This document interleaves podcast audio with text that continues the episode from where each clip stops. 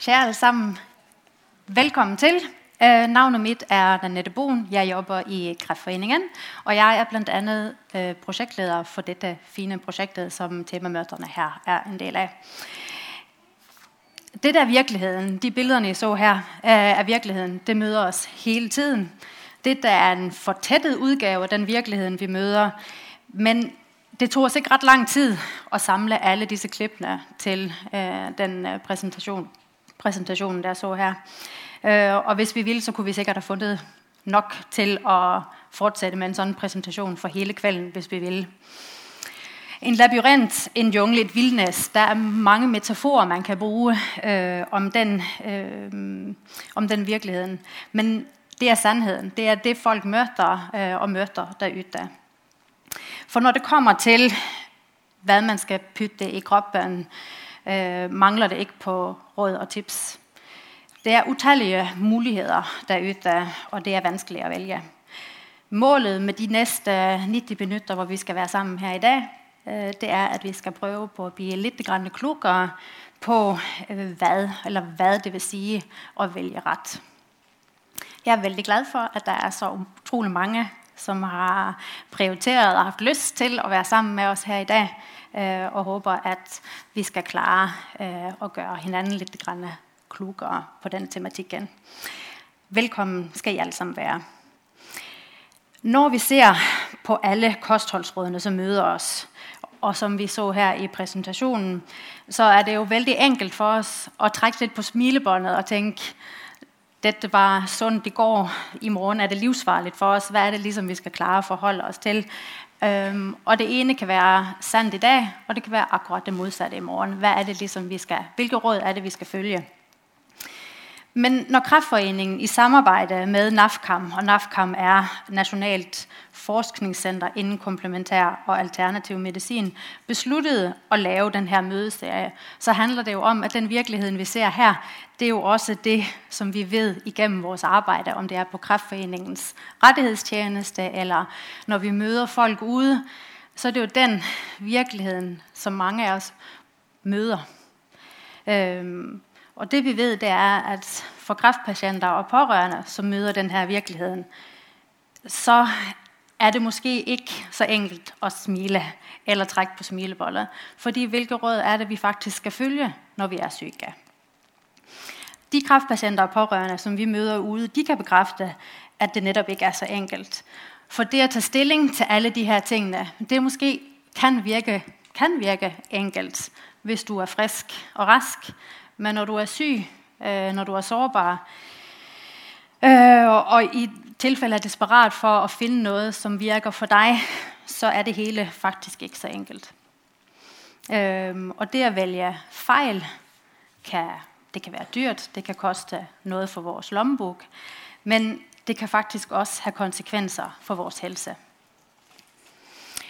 Vi kom altså, også i Kræftforeningen og NAFKAM kom frem til, at vi så, at der var et behov for å lave en lille oprydning.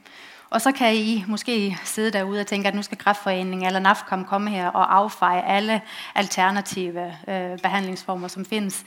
Men det er ikke det, som var vores formål med dette. Dette er egentlig, fordi vi har set et behov for øh, folkeoplysning. Og ret og slet, øh, hvad hedder det nu, øh, og det er målet med disse, øh, med disse møterne, det er folkeoplysning. Øh, vi har ingen anden agenda end netop dette. Målet for oss er, at I som er kommet her i dag og har prioriteret å være sammen med oss her i dag, øh, at I skal få øh, et litt bredere kunnskapsgrunnlag eller en litt bredere baggrund, nettopp for å ta noen av de her valgene, som vi alle sammen står opp i hver eneste dag. Øh, det er måske et hårdt mål, men noen ganger skal man kanskje sette litt hårdt mål, så får vi håpe at vi klarer å oppfylle det alligevel.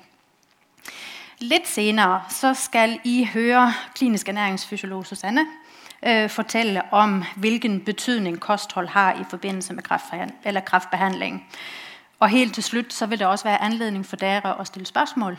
Eh, men vi har valgt å gjøre det på den måte at hvis man har spørsmål, så skal vi se. Skal jeg skal. Så er det mulig at I, så kan I sende spørsmålene til dette mobilnummer. Og så vil vi helt til slutt øh, helt til slutt eh, tage og så opsamle alle de her spørsmålene. der kommer både eh, Susanne og Ellen op på scenen, og så tager vi det i plenum.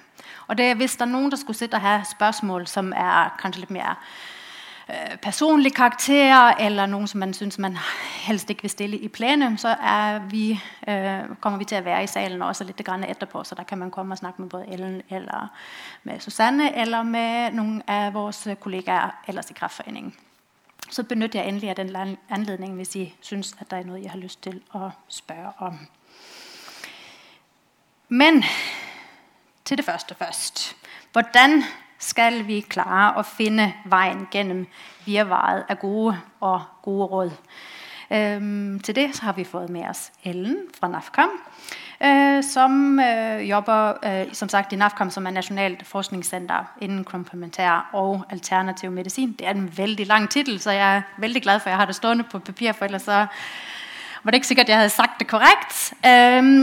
Og de har også ansvaret for øh, national forskning på den tematikken, altså på alternativ behandling. Vær så god, Ellen, der er ordet dit. Tak. Det er få ting som eh, griper oss mer og berører oss mer enn historier om unge mennesker som blir alvorlig syke. Dette er Bell Gibson, portrettert av eh, Elle Magazine for en del år siden. Hun var da en helt vanlig eh, ung dame i begynnelsen av 20-årene. Eh, og som sine jevnaldrende hadde hun en Instagram-konto hvor hun delte av livet sitt. Både bilder og videosnutter og hva det måtte være. Forskjellen på hun og hennes jevnaldrende var at hun delte fra en hverdag med eh, alvorlig sykdom. Hun fortalte at legen hadde gitt henne diagnosen uhelbredelig hjernekreft og noen få måneder igjen å leve. Men hun levde veldig godt på tross av sykdom. Og det mente hun eh, var eh, forårsaka av hennes bevisste kostholds- og livsstilsvalg og hvordan hun tenkte om sykdommen. Kontoen eh, på Instagram tiltrakk seg flere hundre tusen følgere veldig raskt. Hun ble omtalt i media over hele verden. Hun ble sett på som en inspirator. Eh, folk så opp til henne og eh, identifiserte seg med henne. Og de sa at hun ga håp til andre om at livet med kreft var mer enn bare sykdom. Hun ble kontakta av Apple, og sammen utvikla de en kostholds- og livsstilsapp som faktisk ble kåra til verdens nest beste, nei, Apple sin beste mat- og drikke-app i 2014. Og den nest beste iPhone-appen i verden. Det sier jo litt. Penguin, som er et av verdens største forlagshus, eh, tok kontakt, for de ville lage kokebok basert på Bell Gibson sine kostholdsvaner og liv, sånn matfilosofi. Hun ble portrettert som en sunnhetsgudinne i TV og radio og på nett og i det hele tatt. Det var bare ett problem, og det var at hun aldri hadde hatt kreft. Hun ble avslørt og ble dømt for svindel senere. Ehm, men når vi har med dette eksempelet i dette foredraget, så er det fordi at vi ønsker bare å vise hvor lett det er å la seg lure. Her var det hundretusenvis av følgere som trodde på det hun sa, og de store, verdensomspennende aktørene heia på denne jenta og den gripende historien. Og det er jo alle, alle, vil jo så gjerne at en sånn historie skal være sann. Og så glippa det en plass, så til og med media slutta å stille kritiske spørsmål. Og kan det her virkelig være sant? Eh, det er jo veldig menneskelig å, å, å bli grepet av en sånn historie og heier på folk og ønsker at dette skal gå bra. Og med Internett, hvor vi blir eh, lettere utsatt for også alle disse historiene, så er det enda lettere at vi kan la oss lure. Nå er det jo ikke sånn at eh, Mirakelhistorier er noe nytt. Det har eksistert til alle tider. Men omfanget vi ser i dag, er veldig, veldig mye større enn det har vært eh, bare for noen tiår siden. Sosiale medier har jo gjort at hvem som helst kan publisere hva som helst, når som helst. Kosthold og livsstil er blitt supertrendy og en enorm business. Og det er veldig veldig mange som vil nå fram til akkurat deg eller meg, eller hvem det nå er. Eh, man kan bygge seg opp på en egen plattform og få en haug med følgere og være selverklært eh, ekspert. Foodbabe her til høyre det, det, er egentlig bare eksempel på flere bloggere som vi har, har sett på. Men Foodbabe er kjent som mataktivist. I 2014 så hadde hun 54 millioner følgere eller, eller treff på bloggen sin. Og Hun er verken lege eller ernæringsfysiolog. eller noen ting. Hun er eh, sterkt kritisert fra mange hold for å komme med udokumenterte helsepåstander. Og Likevel så ble jeg jo av Time Magazine eh, kåra til en av verdens mest innflytelsesrike personer på Internett. Og Tidligere så var det jo sånn at journalister og, og eh, redaktører eh, drev og silte historier. Hvis jeg hadde kommet med en historie jeg ville ut med i media, så, så var det noen der som sjekka fakta og ville ha silt den historien den, og, og kvalitetssikra at det var reelt, det jeg snakka om. Og I dag eh, så kan vi bygge oss opp på en egen plattform hjemme. som jeg sa. Og, og Får man følgere i sosiale medier, så blir man også fort kontakta av media. Det kan virke som at det ikke lenger utdanning eller relevant arbeidserfaring som er avgjørende for å komme til orde i den offentlige debatten. Det kan virke som at antall følgere i sosiale medier blir den viktige, viktigste kvalitetsmarkøren. Og Det viser egentlig bare det at den som, har, eh, som klarer å fange oppmerksomheten, de har en enorm påvirkningskraft. Og Hvis vi går tilbake til temaet for det her, som handler om kosthold og kreft, så er dette vilkårlige søk i, i eh, forberedelsen av dette foredraget. På de engelske ordene 'food' og 'cancer' så fikk jeg og mine kollegaer 675 millioner treff. Eh, vi oversatte det og tok de norske. Da fikk vi bare to millioner. Det er ekstremt mange treff med tips om hva du bør eller skal spise eller ikke i forbindelse med kreft. Her er en god blanding av uh, seriøse aktører. F.eks. ser vi Kreftforeninga øverst i den norske. Og, um, og, helt og delvis useriøse aktører. De står hulter til bulter. Og av dette så deler vi, til dels ukritisk, i, og særlig kanskje i sosiale medier. Det er faktisk eh, gjort en del undersøkelser på denne delinga. Og Independent tok for seg i 2016 eller 2017 overskrifter eh, på artikler som var de 20 mest delte artiklene på Facebook, hvor overskrifter inneholdt ordet kreft.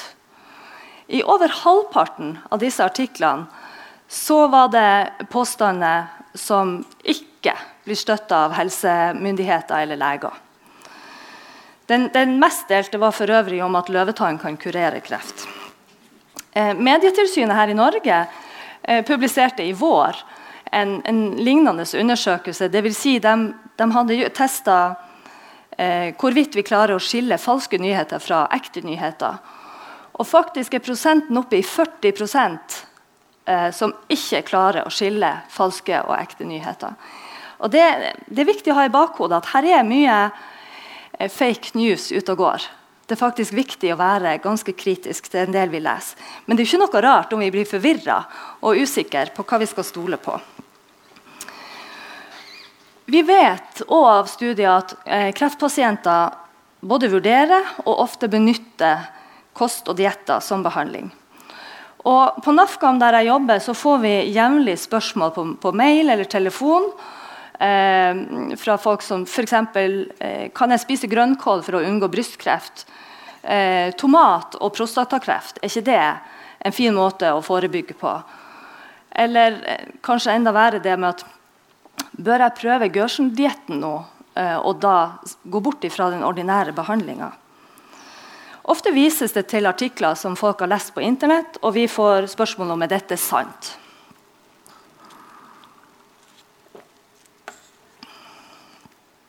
Dette er et eksempel på en sånn helsepåstand som vi kan få spørsmål om. Nå er det en saksa fra min feed på Facebook, faktisk, men, men, det er veldig likt det vi ofte får. Og dere har sikkert sett noe lignende delt. Zoomer vi inn, så ser vi overskrifta. Den er ganske fantastisk eh, eh, formulert. Du har altså kasta bort alle avokadosteinene fordi at ingen har fortalt at de kan bekjempe kreft. Det høres fantastisk ut, men hva er det egentlig som ligger bak? Jeg og mine kollegaer vi nøsta i dette. Vi fant at dette var henta fra en blogg som igjen henviste til et kommersielt uh, jeg tror det var amerikansk helsenettsted. Og Langt inni dette helsenettstedet sin omtale så fant vi to kilder fra helt seriøs forskning fra anerkjente tidsskrifter. Sånn så de ut. Det var bare at når vi begynte å lese på dem, så viste det seg at det, det dreier seg om forskning på celler i laboratorium. Det, det er ikke forska på mennesker i det hele tatt. Og dere ser at Teksten er jo egentlig ganske kjedelig hvis vi sammenligner med den overskrifta fra Facebook-artikkelen. Nå er det jo sånn at det er veldig mange eh, matvarer som inneholder stoffer som kan se ut til å virke eh, positivt i forbindelse med kreft, men det handler om cellenivå. Og NAFKAM få spørsmål om virker det, og vi må som ofte svare vi vet ikke, eller sannsynligvis så virker det ikke. For det er sjelden at eh, forskerne ser samme effekt hos mennesker som de finner i laboratorieskåler. Forskninga fra celle til menneske er et nitidig arbeid. Det tar mange år. For Først må man eh, få tilfredsstillende positive resultater på celle, og man må gjenta de studiene flere ganger for å være sikker på at det ikke bare er tilfeldig at man har fått de positive resultatene. Og Når det grunnlaget er bra nok, så går man videre til å gjøre det samme f.eks. på mus eller på andre dyr. Og igjen, man må gjenta før man i det hele tatt kan prøve det ut på mennesker. Først i små grupper, så i større. Eh, først på friske, deretter på syke. Og hele tida er det positive resultater. De må gjentas i stor stil for at man skal være relativt trygg på at det faktisk er et, et rett resultat. At det ikke bare er tilfeldigheter som spiller inn. Ofte så viser det seg at mennesker ikke klarer å ta opp de virkestoffene som man har funnet. Eh, kroppen vår klarer ikke å nyttiggjøre dem. Eller at vi må ha så stor tilførsel av dem at det faktisk er skadelig for kroppen vår. Og da, da, skjønner vi at Det er ganske misvisende å bruke en positiv studie på cellenivå til å si noe om, om ting som kan funke på mennesker. I tillegg så er det sånn at På NAFKAM så, når vi uttaler oss om effekt av noe, så baserer vi oss primært på det vi kaller kunnskapsoppsummeringer. Da er det gjort eh, flere tunge studier på mennesker, og så sitter forskere internasjonalt og samler opp studier fra ulike steder i verden. Eh, de tar høyde for feilkilder og ser på forskningsmetode og at det er kvalitet.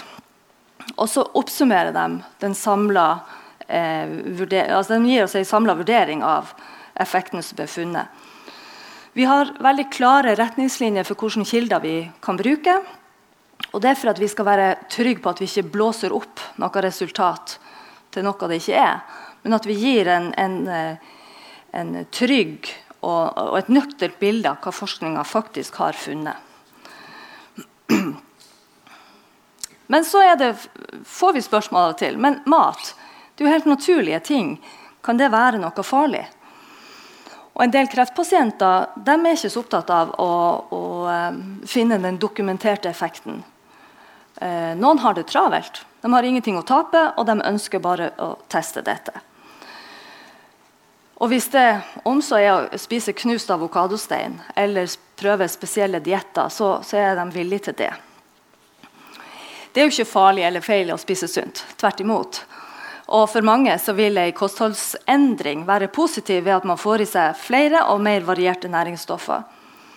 Det er også en positiv effekt i at eh, kostholdet kan vi ta kontroll på sjøl, og dermed ha en mestringsopplevelse i en, i en, fortvilt sykdomsperiode hvor man ikke har kontroll over eh, kroppen sin eller alt som skjer. Og Sånn kan man føle at man sjøl kan bidra med noe i håp om å bli bedre. Men når, kropp, nei, når, kropp, når kosthold bevisst blir brukt til å forebygge eller kurere sykdom, og kanskje også blir brukt utover de anbefalte eh, mengdene, så kan det regnes som alternativ behandling. Og alternative dietter retter seg veldig ofte spesielt mot kreftpasienter. Og de er veldig veldig strenge og bærer med seg eh, risiko for underernæring og feilernæring. I tillegg er det en risikofaktor ved flere hvor de sier at du bør kutte ut den ordinære behandlinga, for da virker dietten best. Dette øker jo selvfølgelig risikoen for at utfallet ikke blir så bra som man hadde håpa. Kosttilskudd, det må jo da være greit. Supermat. Eh, forbrukerinspektørene gjorde en undersøkelse av spirulina-produkter for to år siden. Eh, de kjøpte i åtte helt vanlige åtte produkter i vanlige helsekostforretninger rundt i Norge. Og I to av disse produktene så fant de alvorlig høye forekomster av en algegift som kalles mikrosystin. Den kan forårsake, forårsake alvorlige skader på lever og nyre og nervesystem. Disse produktene hadde vært forurensa. Eh, I Norge er det dessverre sånn at vi har ingen offentlig instans som, eh, som sjekker og kontrollerer kosttilskudd før de kommer ut på markedet. Det er produsenten sjøl som har ansvar for at kosttilskuddene de selger, er trygge, at de inneholder det som står på pakningsvedlegget, og i det hele tatt holder kvalitet. Eh, Mattilsynet gjør likevel stikkprøver og har ved flere anledninger avdekka eh, kosttilskudd som, som, inneholder stoffer som ikke er oppgitt på pakken, eller kanskje til og med stoffer som ikke er beregna på mennesker. I tillegg kan produktene forårsake bivirkninger og interaksjoner, altså at de påvirker medisiner vi allerede bruker. Og Dette er heller ikke alltid oppgitt på pakkene. For det er sånn at urter, medisiner, de, de påvirker eh, hverandre. Vi har i mange år fått spørsmål om antioksidanter. og jeg vil tro at alle dere har hørt om antioksidanter eh, i mange fantastiske vendinger. Likevel er det stor uenighet om, i forbindelse med kreft om det er bare positivt. For vi har også studier som, som tyder på at store do, doser antioksidanter eh, reduserer effekten av cellegift og stråling, og at de i verste fall også kan beskytte kreftcellen. Og som et siste punkt på det Jeg høres ut som en sånn dommedagsprofet her. Eh, så er det jo at, at, flere og flere bestiller eh, produkter over Internett. Og har vi ikke kontroll med innholdet i Norge, så syns jeg ikke vi skal stole mer på om de har det i utlandet, og at vi faktisk får det vi bestiller. Så risikoen der med å få noe man ikke har godt ut av, den øker med å bestille på nett. Så naturlig er rett og slett ikke det samme som ufarlig. Hvis vi går tilbake til avokadostein, så vet vi at det er gjort studier på cellenivå av denne steinen, og det er gjort uttrekk eh, som ser ut til å ha en gunstig effekt på kreftceller. eh, I 2013 var det publisert en studie hvor dette ekstraktet var prøvd ut på mus og viste seg at det var giftig for mus. Men vi har ikke studier om hvilken effekt det har på mennesker.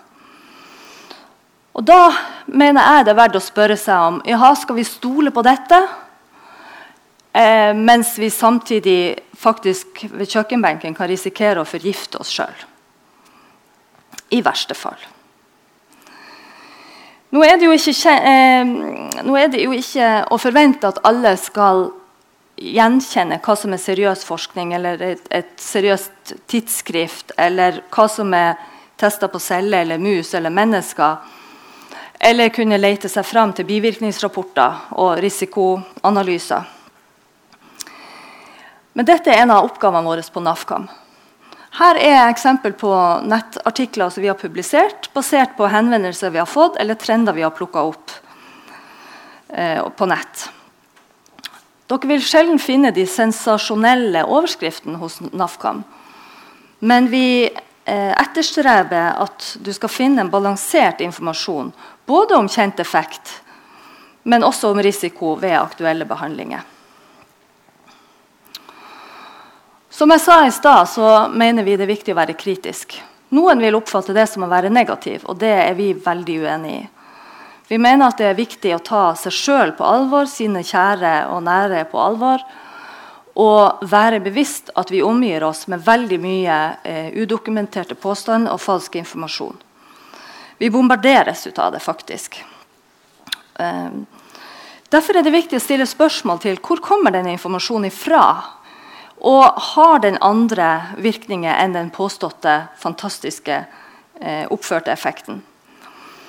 Store ord, fantastiske overskrifter, kan være ei varsellampe.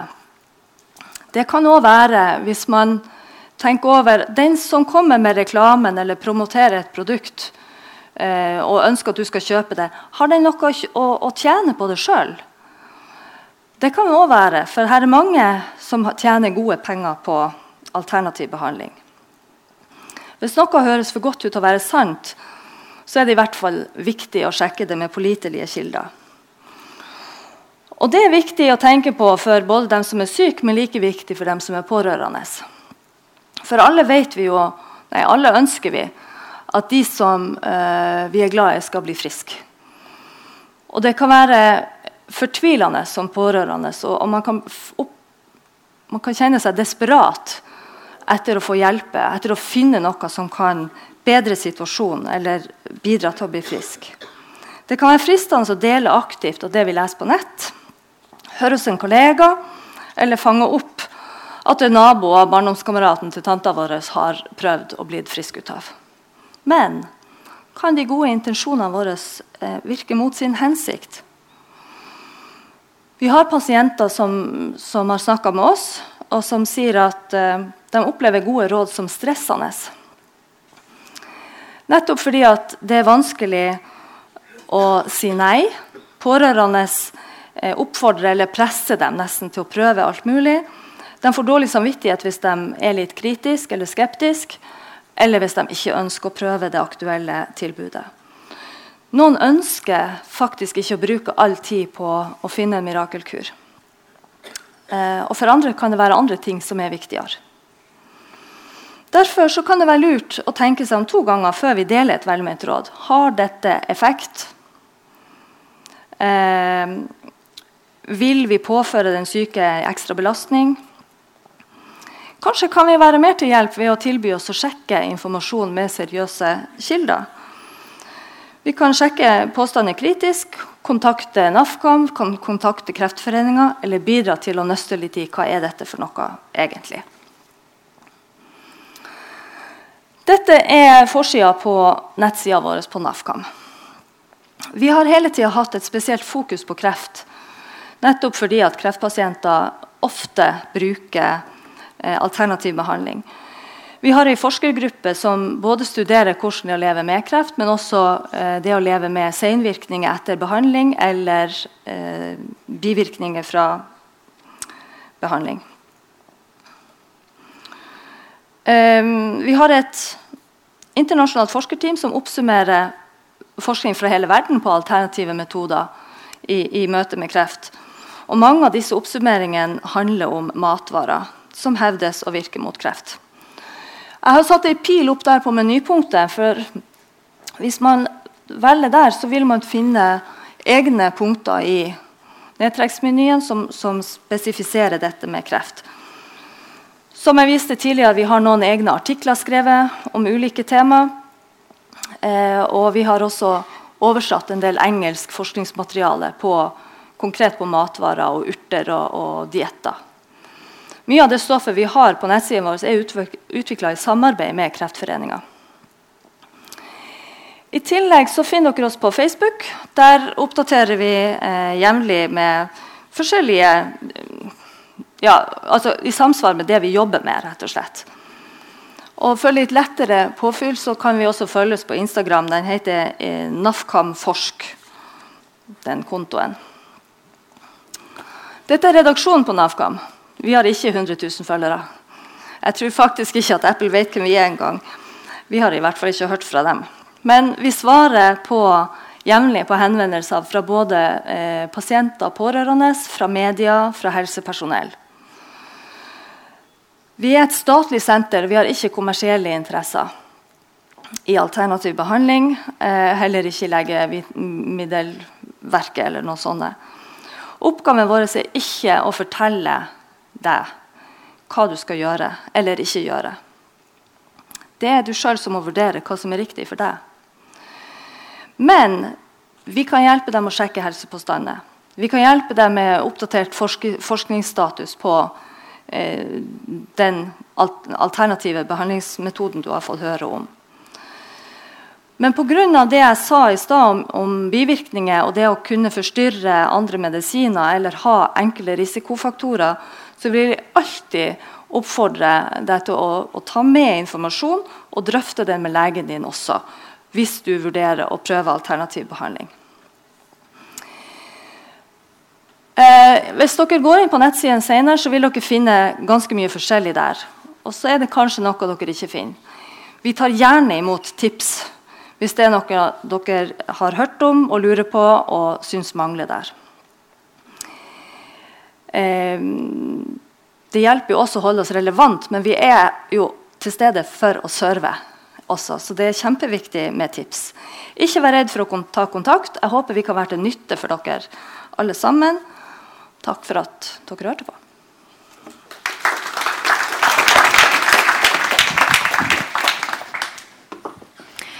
Tusind tak, Ellen. Øh, tak for gode tips, råd, hvor vi skal lede. Øh, og veldig mange tankevekkende eksempler, synes i hvert fall jeg. Eh, Kraftforeningen og NAFKAM har eh, i forbindelse med disse temamøtene også laget en film, som dere skal få se. Det er jo helt supert. Eller? Det finnes mange råd å få. Men hvem er det egentlig som gir dem, og hvorfor? I jungelen av råd kan det være vanskelig å skille de gode fra de dårlige. Her er derfor en håndfull tips du kan ta med deg på vei. Vær skeptisk til store ord. Vitenskapen utvikler seg sakte. Så når helseprodukter og diettplaner beskrives med ord som gjennombrudd og mirakel, verdensnyhet og garanti, er det grunn til å ta et skritt tilbake. Høres noe for godt ut til å være sant, så er det ofte nettopp det. Se opp for skjulte sak.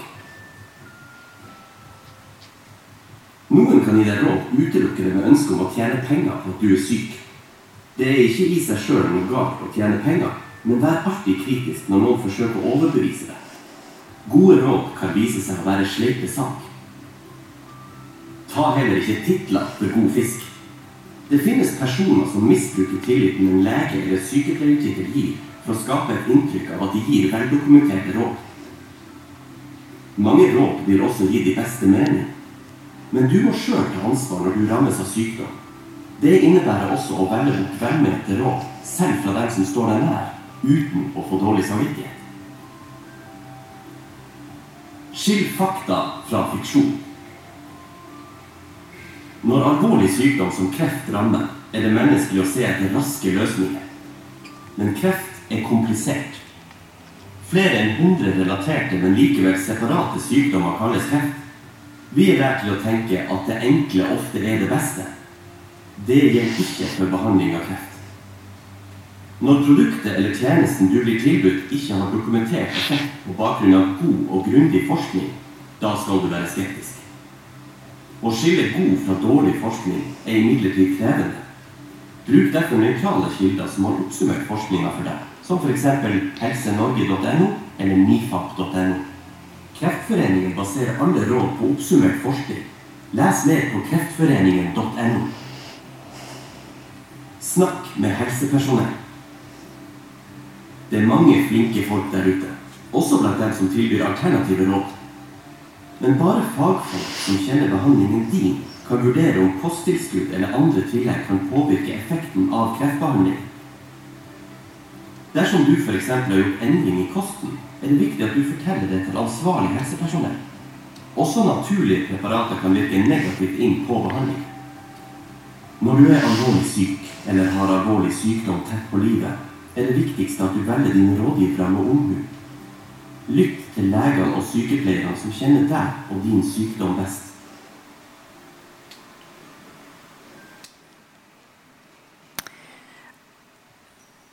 Denne filmen oppsummerer mye av det som Ellen snakket om før.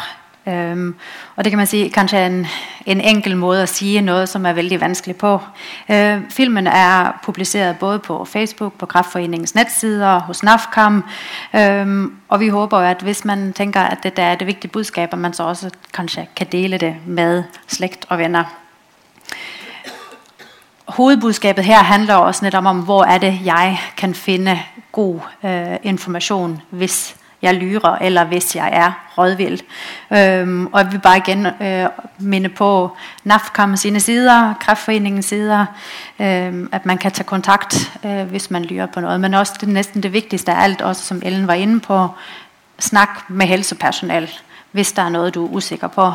Øhm, det er dem som kjenner din behandling. Og, ja. Det som den filmen også sier noe om, det er jo nettopp det med følelsen av å stå som kreftpasient eller som pårørende i det krysspresset at folk kommer ved veldig mange ulike råd. Hvilke råd er det jeg skal forholde meg til? Hvilke råd er riktig for meg? Og det er vanskelig. Um, et eksempel som jeg bare vil nevne her, jeg vet ikke om det er noen av dere der har fulgt med på uh, podkasten uh, med Christine Koht Øh, som på en måte Hvor man er med på hva skal man si, hennes øh, noe anstrengte kreftreise, for å si det mildt. Øh, en av de siste avsnittene i den podkasten der Kristine har fått en veldig alvorlig leverbetennelse, og man er usikker på om hun rett og slett er sterk nok til å fortsette den behandlingen hun er på. Hun blir akutt innlagt på eh, lokalsykehuset, eh, og hun er meget, meget dårlig. Øh, journalisten som så følger Christine gjennom det her forløp, får øh, i en av de siste avsnittene en e-post fra Christines mor, som har fundet øh, en mann som har øh, renset kroppen for giftstoffer og miljøgifte, og på den måde er blevet kureret for sin kræft. Øh, og Kristines mor er, som vi sikkert alle sammen godt kan sætte seg inn i, utrolig bange for å miste, miste sin datter. Og tenker nå er tiden inne for øh, å prøve noe alternativt. Og hun er veldig opptatt av at Kristine skal besøke denne mannen som har prøvd dette og har hatt suksess med det som heter Terje. Og man på en måte får også kommer inn i diskusjonen i familien på hvordan det opp, oppleves for den som er syk, øh, å stå i den situasjonen at her står din mor, som jo selvfølgelig er redd for å miste deg, men samtidig ikke har lyst til å dra ut og besøke Terje, fordi det har hun slett ikke overskudd til, og hun har på en måte tro på den behandlingen som hun står i. Um, og For meg er det et veldig sånn, godt eksempel på nettopp den situasjonen, og hvordan det kan være.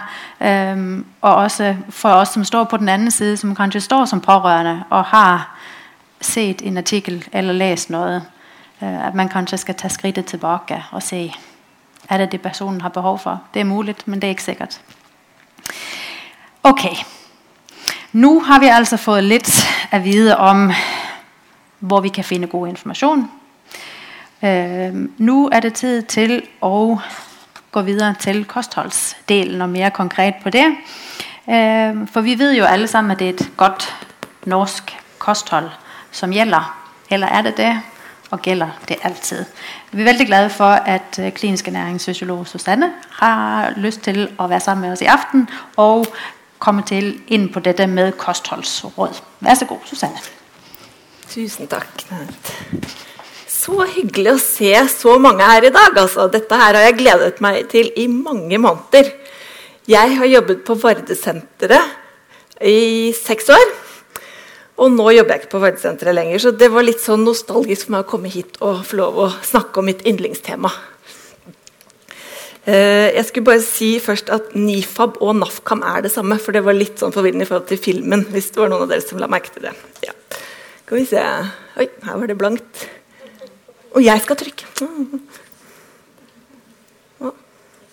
Der, ja. Så eh, Jeg er da klinisk ernæringsfysiolog og har jobbet med kreft og kreftbehandling da, de siste seks årene. Og skal prøve å svare litt på det. Hva er det som egentlig er sunt for kreftpasienter? Og da er vi jo litt tilbake til det dere hørte før i dag, dette med media. Jeg syns liksom ikke jeg kan komme helt bort ifra det. Jeg hadde en historie i fjor hvor eh, jeg hadde lungekreftkurs. og Så kom pasienten og sa du, jeg har lest i VG at det er sunt med blåbærekstrakt når man har stråling. Jeg hadde selvfølgelig ikke lest den VG-artikkelen, men jeg tenkte ok, jeg kan ikke nekte for det før jeg har sett artikkelen. Så gikk jeg inn på den om kvelden, og da var det litt samme som det eh, du var inne på i sted. at det, eh, det var selvfølgelig gjort på celler. Eh, det var en liten drittstudie. for å si det sånn. Jeg har jobbet med celleforskning lenge nok til å vite at det der var ikke noe som burde vært i media. Så tok jeg kontakt med VG og sa at dette går ikke, dette må dere rette opp i. Og, og VG var i hvert fall greie nok til å komme på Vardesenteret. Eh, og vi hadde en fin dialog, men det viser litt liksom, hvor lett det er for dem å bare kaste seg på fordi det gir en fin overskrift. Eh, jeg skal si litt om det etterpå, fordi det var da en artikkel på en bitte liten cellestudie. Og så kom da eh, verdens største kunnskapsoppsummering noen måneder etter. Hvor mange medier dekket den? Ingen. Så det er liksom kontrastene. Det er ikke sånn at du, du leser media, da vet du hva som rører seg på ernæringsfronten. Faktisk ikke i det hele tatt. Så hva lurer man på når man har fått kreft? Hva slags mat skal jeg holde meg unna for å unngå kreften? Hva bør jeg eh, spise for å forebygge kreft? Det er jo aktuelt for oss alle. Hvordan kan jeg forhindre tilbakefall? Det er jo noe av det folk lurer mest på. Det er jo det siste du ønsker, er tilbakefall når du først har fått kreft. Eh, hvor mye skal jeg spise? Er lavkarbo eller andre dietter noe for meg? Kan man sulte bort kreftceller? Hvor ofte bør jeg spise? Hva med sukker? Hva er bra nok, egentlig? Det er jo egentlig det store spørsmålet. Hva er bra nok? Og hva er sunt? Jeg skal gå litt inn på dette her i dag, vi har ikke veldig lang tid. Men jeg vil oppfordre dere til å ta kontakt med Vardesenteret eh, hvis dere har noen spørsmål også. Vardesenter i Oslo, eh, Vi har to Vardesentre i Oslo, og de er jo eh, kanskje det nærmeste dere har da. Eh, så hva kan man gjøre selv? Jeg pleier ofte å oppsummere det ganske enkelt. Vi var jo inne på det litt i sted med at man, hvis man har kreft, så møter man opp på timen, så tar man kanskje cellegiften eller dukker opp på strålingen sin. Man er litt en sånn som blir tatt veldig godt vare på. Men så noen ganger kan man ha litt behov for å gjøre noe annet, gjøre noe litt aktivt selv. Og da er det jo kosthold en av de tingene man kan gjøre. Men jeg sier enda viktigere enn kosthold, mye viktigere enn kosthold faktisk, det er å stumpe røyken.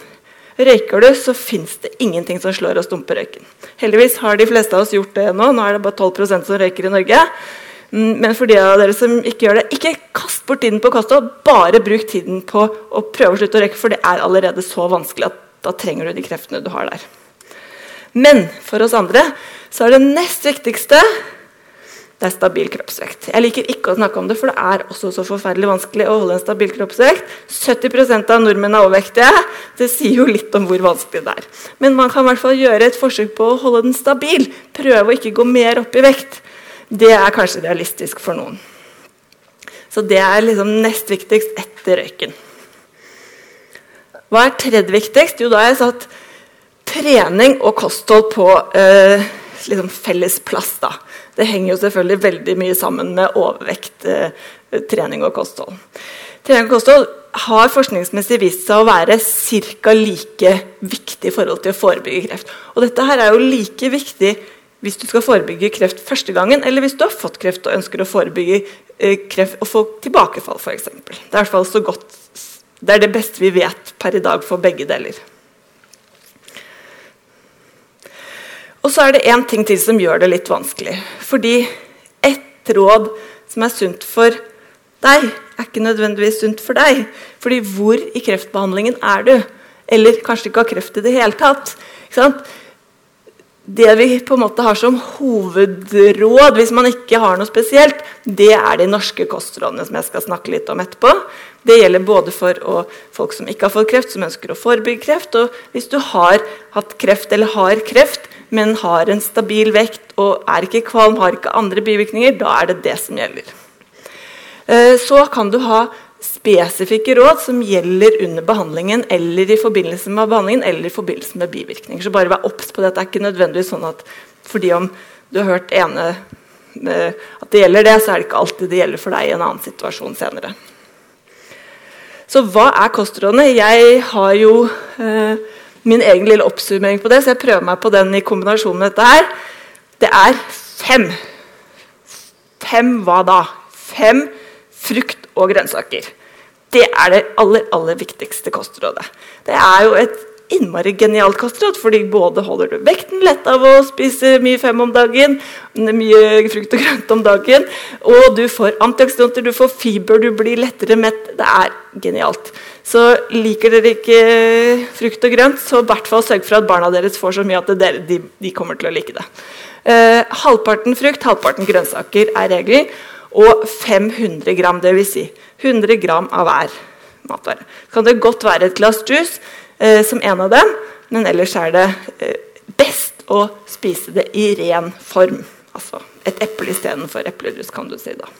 Så det var fem.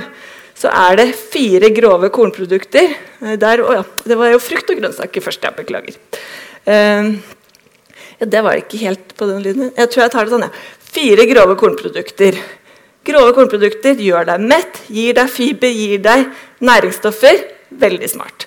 Tredje som ikke er på listen, for det er ikke sånn helt mot kreftrelevans, men det er så smart for å ha den 1, 2, 3, 4, 5-regelen, det er melkeprodukter.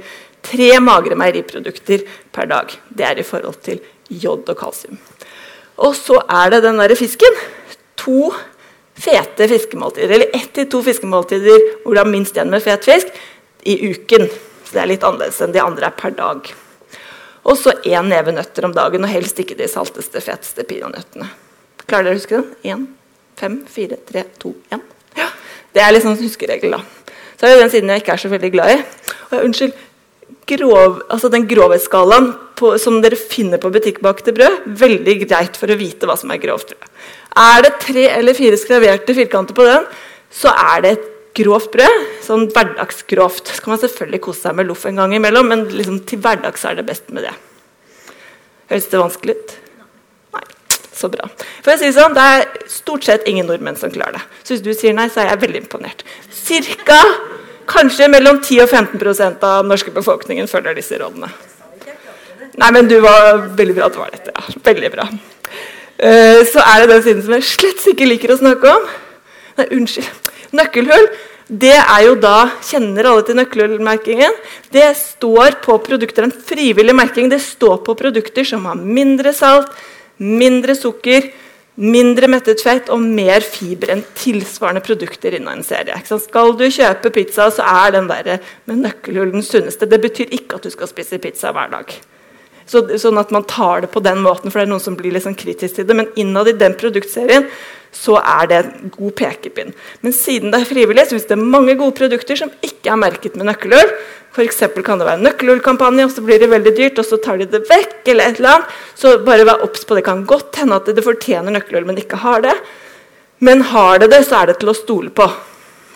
Hmm. Uh, ja, Så var det hva man ikke skal spise så mye av. da. Jeg syns ikke det er så koselig å ha sånn der pekefinger. Ja, da. Men ok, kjøtt. Det har det jo vært en del i media. Det var jo en sånn oppslag for et par år siden hvor det var sånn 'Kjøtt like farlig som røyk'. Uh, det er jo nettopp mangel på forståelse av journalisten. da, uh, Hvor kjøtt er i forhold til tykktarmskreft, mens røyk er i forhold til en hel haug med kreftformer. Så det er bare en liten digresjon. men Rødt kjøtt er da forbundet med tykktarmskreft. Særlig det bearbeidede røde kjøttet skal vi helst ikke ha så veldig mye av. Det blir sånn pølser, altså ting som er tilsatt nitrat eller nitritt altså for å holde fargen, tilsatt salt og sånne ting. Det er ekstra lite gunstig, kan du si. Men opptil 500 gram rødt kjøtt i uken er innenfor liksom, hva skal man kalle det, anbefalingen. da. Mm. Og så var det sukker. Det er jo ganske kjent, ikke så veldig bra for tennene. En ganske viktig årsak til overvekt i Norges befolkning. Så det skal vi helst ikke ha så mye av. Sammen med brus. Eh, der er det jo mye brus med søtstoffer. Altså En lettbrus er ikke vi så veldig skeptiske til, faktisk. Mange som spør om det. Er det farlig med lettbrus? Nei, vi har veldig lite dokumentasjon på at det er noe økt risiko. Tvert imot, er du brusavhengig, så er det mye bedre med en lettbrus eller ikke. Det betyr jo ikke at ikke vann er bedre, for det er surt og det kan ødelegge tannemaljen og mye annet dritt, men det er mye bedre enn alternativet som er sukkerholdig brus. For de aller fleste, da. Mm. Uh, ja, så Junkfood har også kommet på listen over Det blir en sånn litt sånn uggen, ullen betegnelse, men du det blir jo matvare. Jeg tror man alle kan se for seg litt sånn junkfood. Kan dere det? litt sånn mye fett, mye sukker, mye salt, sånn som man har veldig lyst på innimellom. Uh, ja. Det skal vi helst ikke ha så mye av. Det blir sånn veldig energitett mat. Det er lett å spise mye, og det er ikke så veldig næringsrikt. Uh, salt, det er myndighetene nøye på. Det er egentlig utgangspunktet i forhold til høyt blodtrykk. 90% av oss kommer til å få høyt blodtrykk i løpet av livet bare vi lever lenge nok. Men der, når det gjelder kreft, er det i forhold til magekreft. Primært magekreft. Så det, det, skal vi heller ikke ha for mye av. Vi får i oss ganske godt over dobbelt så mye som vi trenger. Så de fleste av oss vil ikke ha er i risiko for for lite salt. Så er det selvfølgelig Hvis du løper maraton om sommeren i 40 grader, så skal du passe på saltet. Eller hvis du er omgangssyke, men ellers er det lurt å ha moderat mengde med salt. Mm. Og alkohol. Det er også veldig kjedelig for meg å måtte si, da, men alkohol det er jo heller ikke noe helseeffekt. Det har vært mye altså Når det fins en liten stakkars studie som viser helseeffekt på alkohol, da kommer den jo på første side av VG og Dagbladet. Det vet vi jo. Akkurat som sjokolade. Det slår jo ikke feil. Ja. Så, øh, men dessverre, etanolen, altså alkoholen i øh, alkohol. Altså, det spiller jo da egentlig ikke så veldig stor rolle hva slags alkoholprodukter det er. Det er negativt for en rekke kreftformer. Så Det skal vi helst ikke ha for mye av. Det betyr ikke at man ikke kan kose seg med et glass vin. Vi pleier å ha en sånn tommelsvingregel på fem enheter for kvinner og ti for menn omtrent per uke. Sånn, sånn. Ja. Som er greit, liksom. Mm. Uh, og Vi var litt inne på det i sted også, Ellen. at det, Hva kan man stole på? Altså, vi har vel nå konkludert med at VG ikke er sånn helt maks til å stole på. Noen ganger er de til å stole på. Vi hadde en kjempebra artikkel etter den der krangelen sånn i første omgang. Så det går an, men det er ikke så lett å vite når, er, når de er til å stole på, og når de ikke er det. World Cancer Research Fund de vil jeg si er skikkelig til å stole på. Det var de jeg nevnte helt innledningsvis, som har den aller, aller største medisinske rapporten som noen gang er skrevet. Og det er den der. Ligger ute i sin helhet på nettet. Skikkelig morsom sengelektyre. Ja, så det er bare å sette i gang. Eh, nei da. Men det ligger også på hver kreftform. Det er på engelsk, og det er i utgangspunktet ikke tenkt for pasienter, men eh, det er tilgjengelig hvis man vil. da.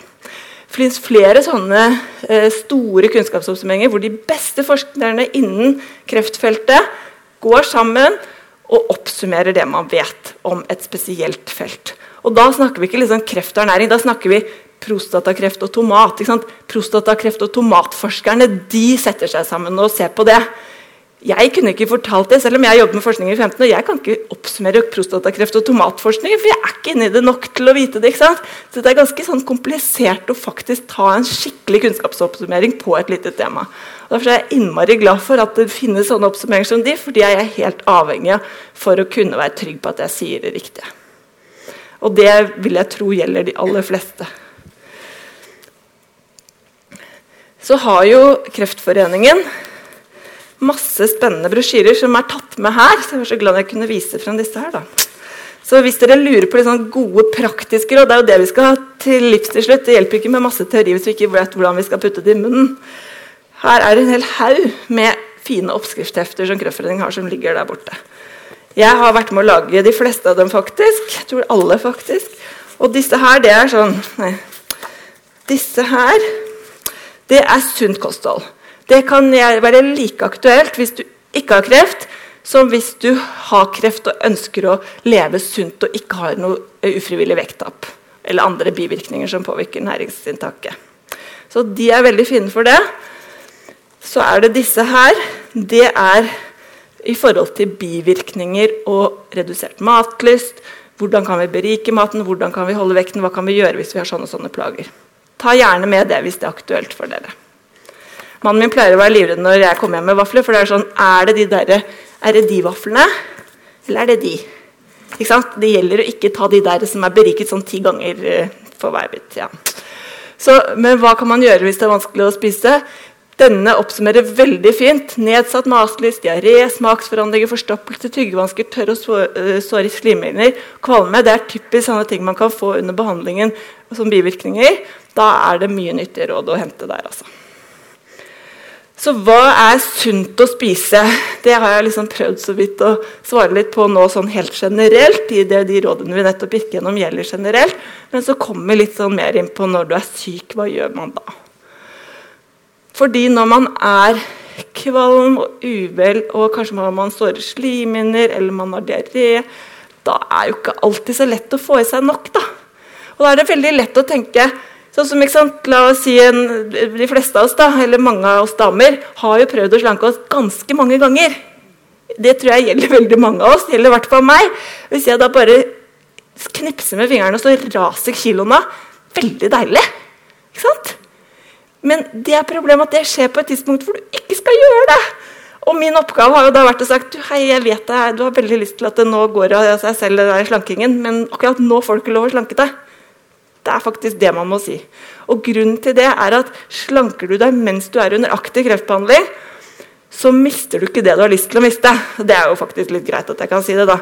For du vil jo miste fettet, ikke sant? Hva mister du? Musklene. Så det er ikke noe vits i. rett og slett. Ikke, ikke slank dere under kreftbehandling hvis ikke det er noe helt spesielt og legen og klinisk ernæringsfysiolog har sagt at du skal det. Så Derfor, under kreftbehandling, hvis du sliter med å gå ufrivillig ned i vekt, så er det en alarmklokke enda så fristende det er å si yes, liksom. Og da skal man ikke ha den der double zeroen. altså. Den der har fire ganger så mye kalorier. Den trenger du hvis du ikke klarer å spise så mye. Ja, der står det ja, så det er viktig at vi forklarer det, da, sånn at ikke man blir provosert når jeg sier du, kom igjen og smør på med smør og, og, sukker når du har gjort alt du kunne for å unngå det resten av livet. liksom. Men det er i beste mening, det er ikke for å være slem at vi sier det. altså. Og det er jo også vist at har man mer muskelmasse, det gjelder jo ikke trening også, har man mer muskelmasse, er man i god form og har mye aktiv eh, vev, eller hva skal vi kalle det, da tåler man behandlingen bedre. Musklene er mer, mer aktive metabolske vev. De gjør at man får ofte mindre bivirkninger og klarer seg bedre. Går man veldig ned i vekt, så kan man fort få mer bivirkninger. Så det er, det er liksom en god hensikt bak. da. Så Noen ganger så sier vi bare 'kom igjen, ta bløtkaken', liksom, eller sjokoladekaken. Fordi at det, det, er ikke lett å bli feit på brokkoli, altså. Det er ikke det. Uh, ja. Eller her en, det er en liten ostebit. Den er vel noe sånn 50 gram, og det er 650. Det er klart, Har du lite matlyst og får i deg få biter, så er det jo mer effektivt. Dette er 200 kilokalorier, begge to. Mye mer effektivt å putte i seg en bitte liten ostebit. Så noen ganger må man tenke litt sånn rasjonelt på det. da. Uh, og Noen ganger så kan man kombinere det. Altså, man kan tenke både sunt, antioksidanter, frukt, fiber, alt dette her, og kaloririkt. Men, så her er noen eksempler på det. Har dere dårlig matlyst, og, men har litt overskudd, så er dette fine råd. Avokado med majones, en uh, litt sånn fet yoghurt med bær, eller en fullkornsmuffins, eller gulrotsuppe med, med fløte. Eller nøtter, det er jo veldig genialt, men for mange så er det ikke realistisk. Det må jeg bare si. Bor du alene og har nesten ikke krefter, da er det bare å ta det første beste du klarer. altså. Det, det, er derfor, fordi Noen ganger så kan folk bli litt sånn provoserende man sier ja, men bare spis liksom, spis bløtkake. Så blir det, Nei, men jeg vil jo spise noe sunt, og det er kjempefint å spise sunt, men det er ikke kjempefint hvis du egentlig ikke får i deg noe. Er, når det er bare bløtkake du vil ha, ja, men da tror jeg faktisk at det er bedre for deg enn å rase ned i vekt. Men klarer du å kombinere det, eller har du pårørende altså Pårørende i en sånn situasjon, det er gull. Er det noen pårørende her, så må de bare klappe seg selv på skulderen. Det er en beintøff uh, rolle. Og her er det mye gode råd å hente. Altså. For da kanskje man orker å spise det hvis man har en pårørende som lager det til seg. Og så er det mange som tenker ja, men jeg må i hvert fall sikre meg når jeg har kreft. Jeg må hvert fall, og folk som ikke har kreft, og for så vidt. Jeg, får jeg liksom nok i meg? Man leser i avisen at det er så lite omega-3 i fisken eller det er så lite uh, vitaminer i grønnsakene. og sånn. Er det ikke bedre å ta et kosttilskudd for sikkerhets skyld? Hvis mye er bra, da må jo mer være bedre. Eller er det ikke sånn? Altså, For å gjøre en lang historie kort det er sjelden bedre. Jeg har en pasient som sa til meg en gang Helse i hver dråpe, gift i hver liter. Det er et ganske godt utsagn. Det er nesten ingenting som er farlig i dråpestørrelse. Men veldig mye er farlig bare du spiser nok. Jeg vil nesten påstå alt kan bli farlig hvis du bare spiser enormt mye av det. Hvis du bøtter ned på vann, så kan du få vannforgiftning. Ikke sant? Selv vann. Så, så moderat, det å tenke litt sånn moderat på det, det kan være en god idé. altså. Og Når det gjelder kosttilskudd, er det ekstra viktig. Jeg pleier ofte å si det der med blåbærekstraktet. da vi var inne på det i starten. Hvis du har blåbærpiller, de der middelfart sine Medox-piller f.eks., de inneholder da 14 antioksidanter. Ikke veldig vanskelig å ta det som tilsvarer liksom, noen kilo blåbær. Det er jo egentlig bare å ta et glass vann og så ta pillene sånn. Det går ganske fort ganske lett å få i seg mye antioksidanter. Hvis du tar blåbær, for det første får du ikke i deg 14 antioksidanter, du får i deg mange mange tusen. Så du får en mye mye større variasjon av eh, virkestoffer som virker sammen i kroppen. Men i tillegg, hvor mange er som klarer å bøtte innpå 15 kg blåbær på styrten? da? Er det noen? Det er ikke så lett. Nei, så det Naturlig stopper det seg selv, og da får du naturlig en variasjon. Og ikke den der store mengden av enkeltstoffer. Det er ikke heldig. Så for å svare litt på det, det er noen som trenger omega-3. Hvis du spiser lite fisk, så kan det være en god idé med tran eller trankapsel. Det er akkurat like sunt. Eller litt D-vitamintilskudd. Nå går vi eh, rett inn i mørketiden. Da kan mange trenge det. Eller hvis du har vist jern, at du mangler jern, så kan det hende du trenger det. Det må du aldri ta uten å ha målt at du trenger det. Mm, uh, og det fins andre små unntak også når du er gravid osv. Men unntak av det, det er ikke mye man trenger altså, av kosttilskudd for de aller fleste. Da er det i hvert fall lurt å ha hørt med legen først. Det verste som kan skje, er at det ikke har en effekt. Nei, det er faktisk ikke det. Her har du min favorittfigur. Jeg vil si den oppsummerer Den liksom oppsummerer hele det derre eh, ernæringsfeltet, nesten. Den ser jo så grå og kjedelig ut, men jeg syns den er helt fantastisk. Vil dere følge med på den? Det er litt vanskelig. Her er dose, altså hvor mye har vi av næringsstoff på den linjen der.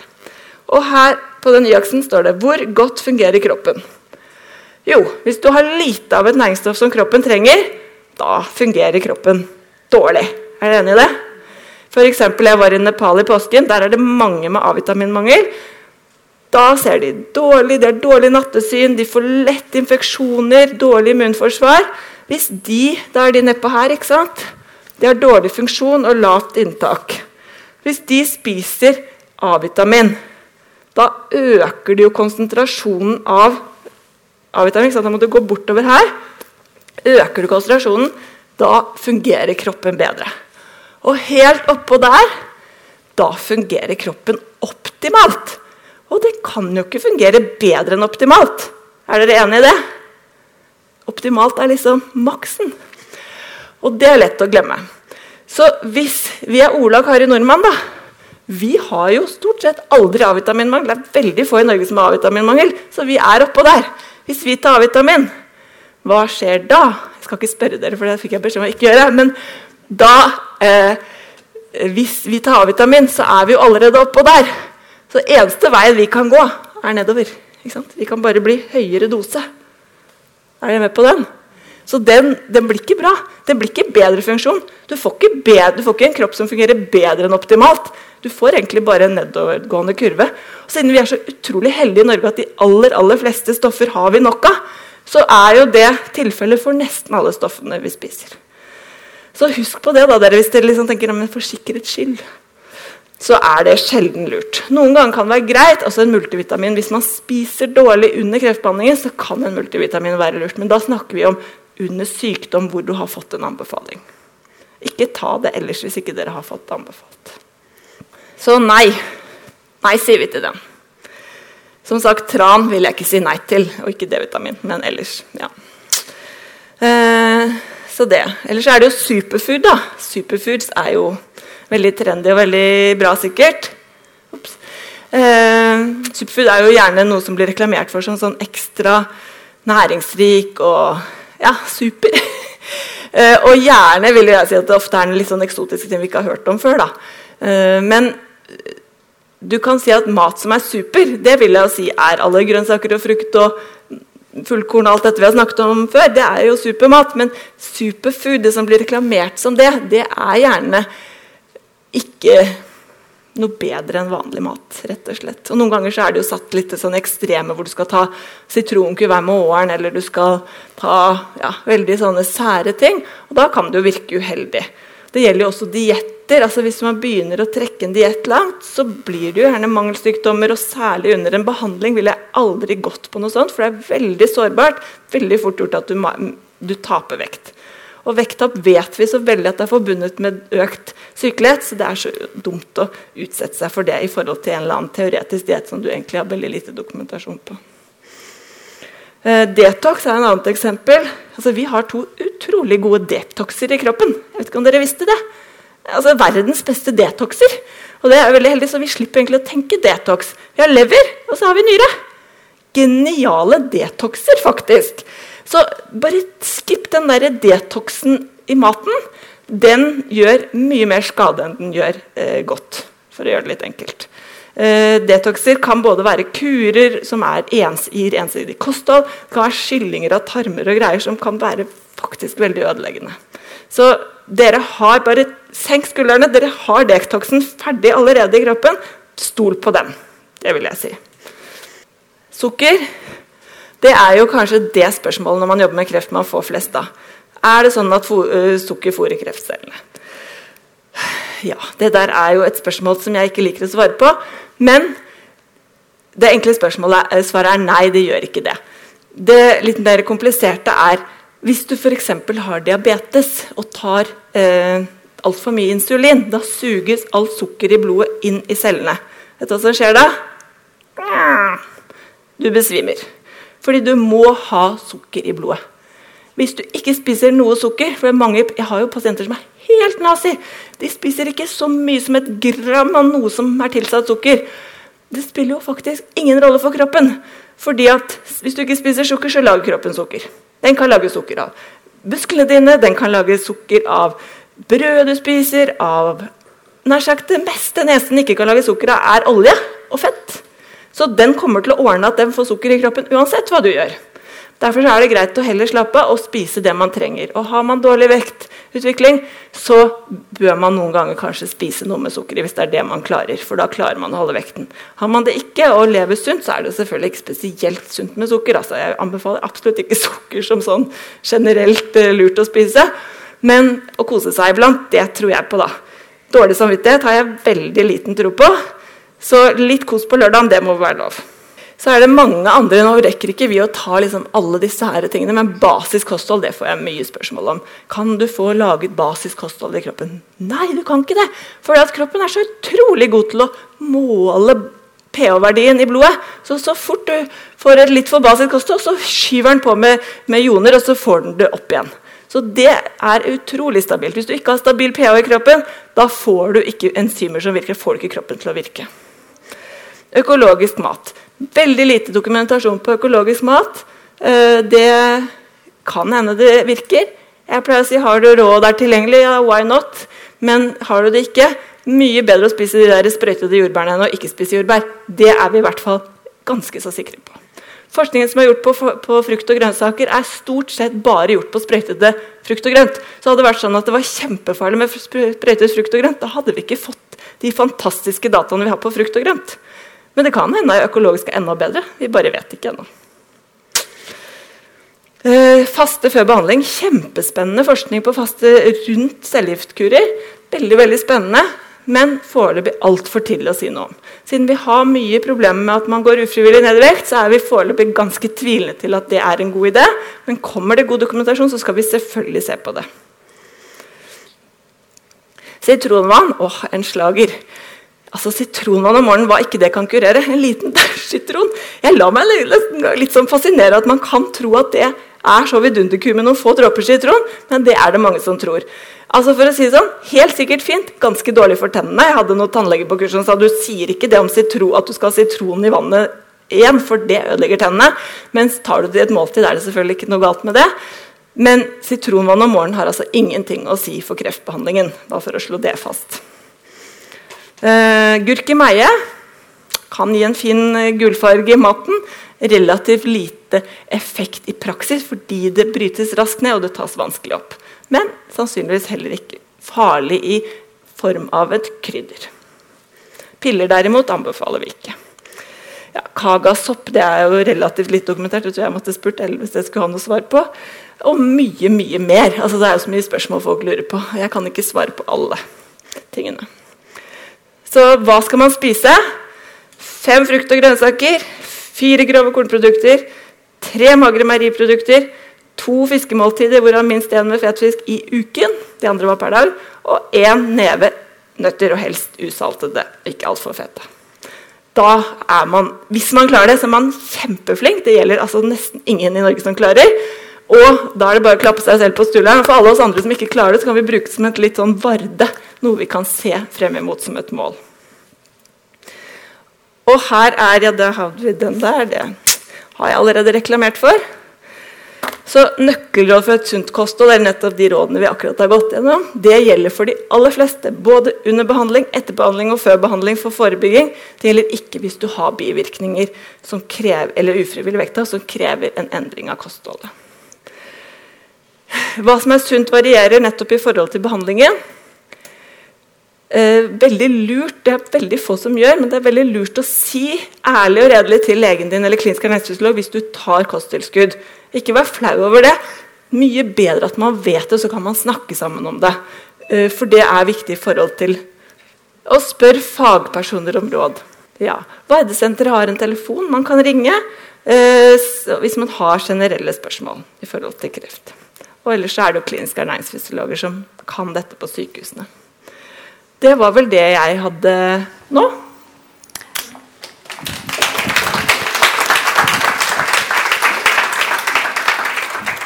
Da har jeg avslutningsvis lyst til å takke disse flotte foredragsholderne og møteleder. Dere har gjort en kjempegod jobb. Det er et vanskelig og omfattende tema vi har snakket om i dag. Hvis dere har noen spørsmål, ikke nøl. Kom bort til det. Og ta kontakt med oss i Kreftforeningen. Og vel hjem, og så håper jeg vi ses igjen en annen gang. Takk for nå.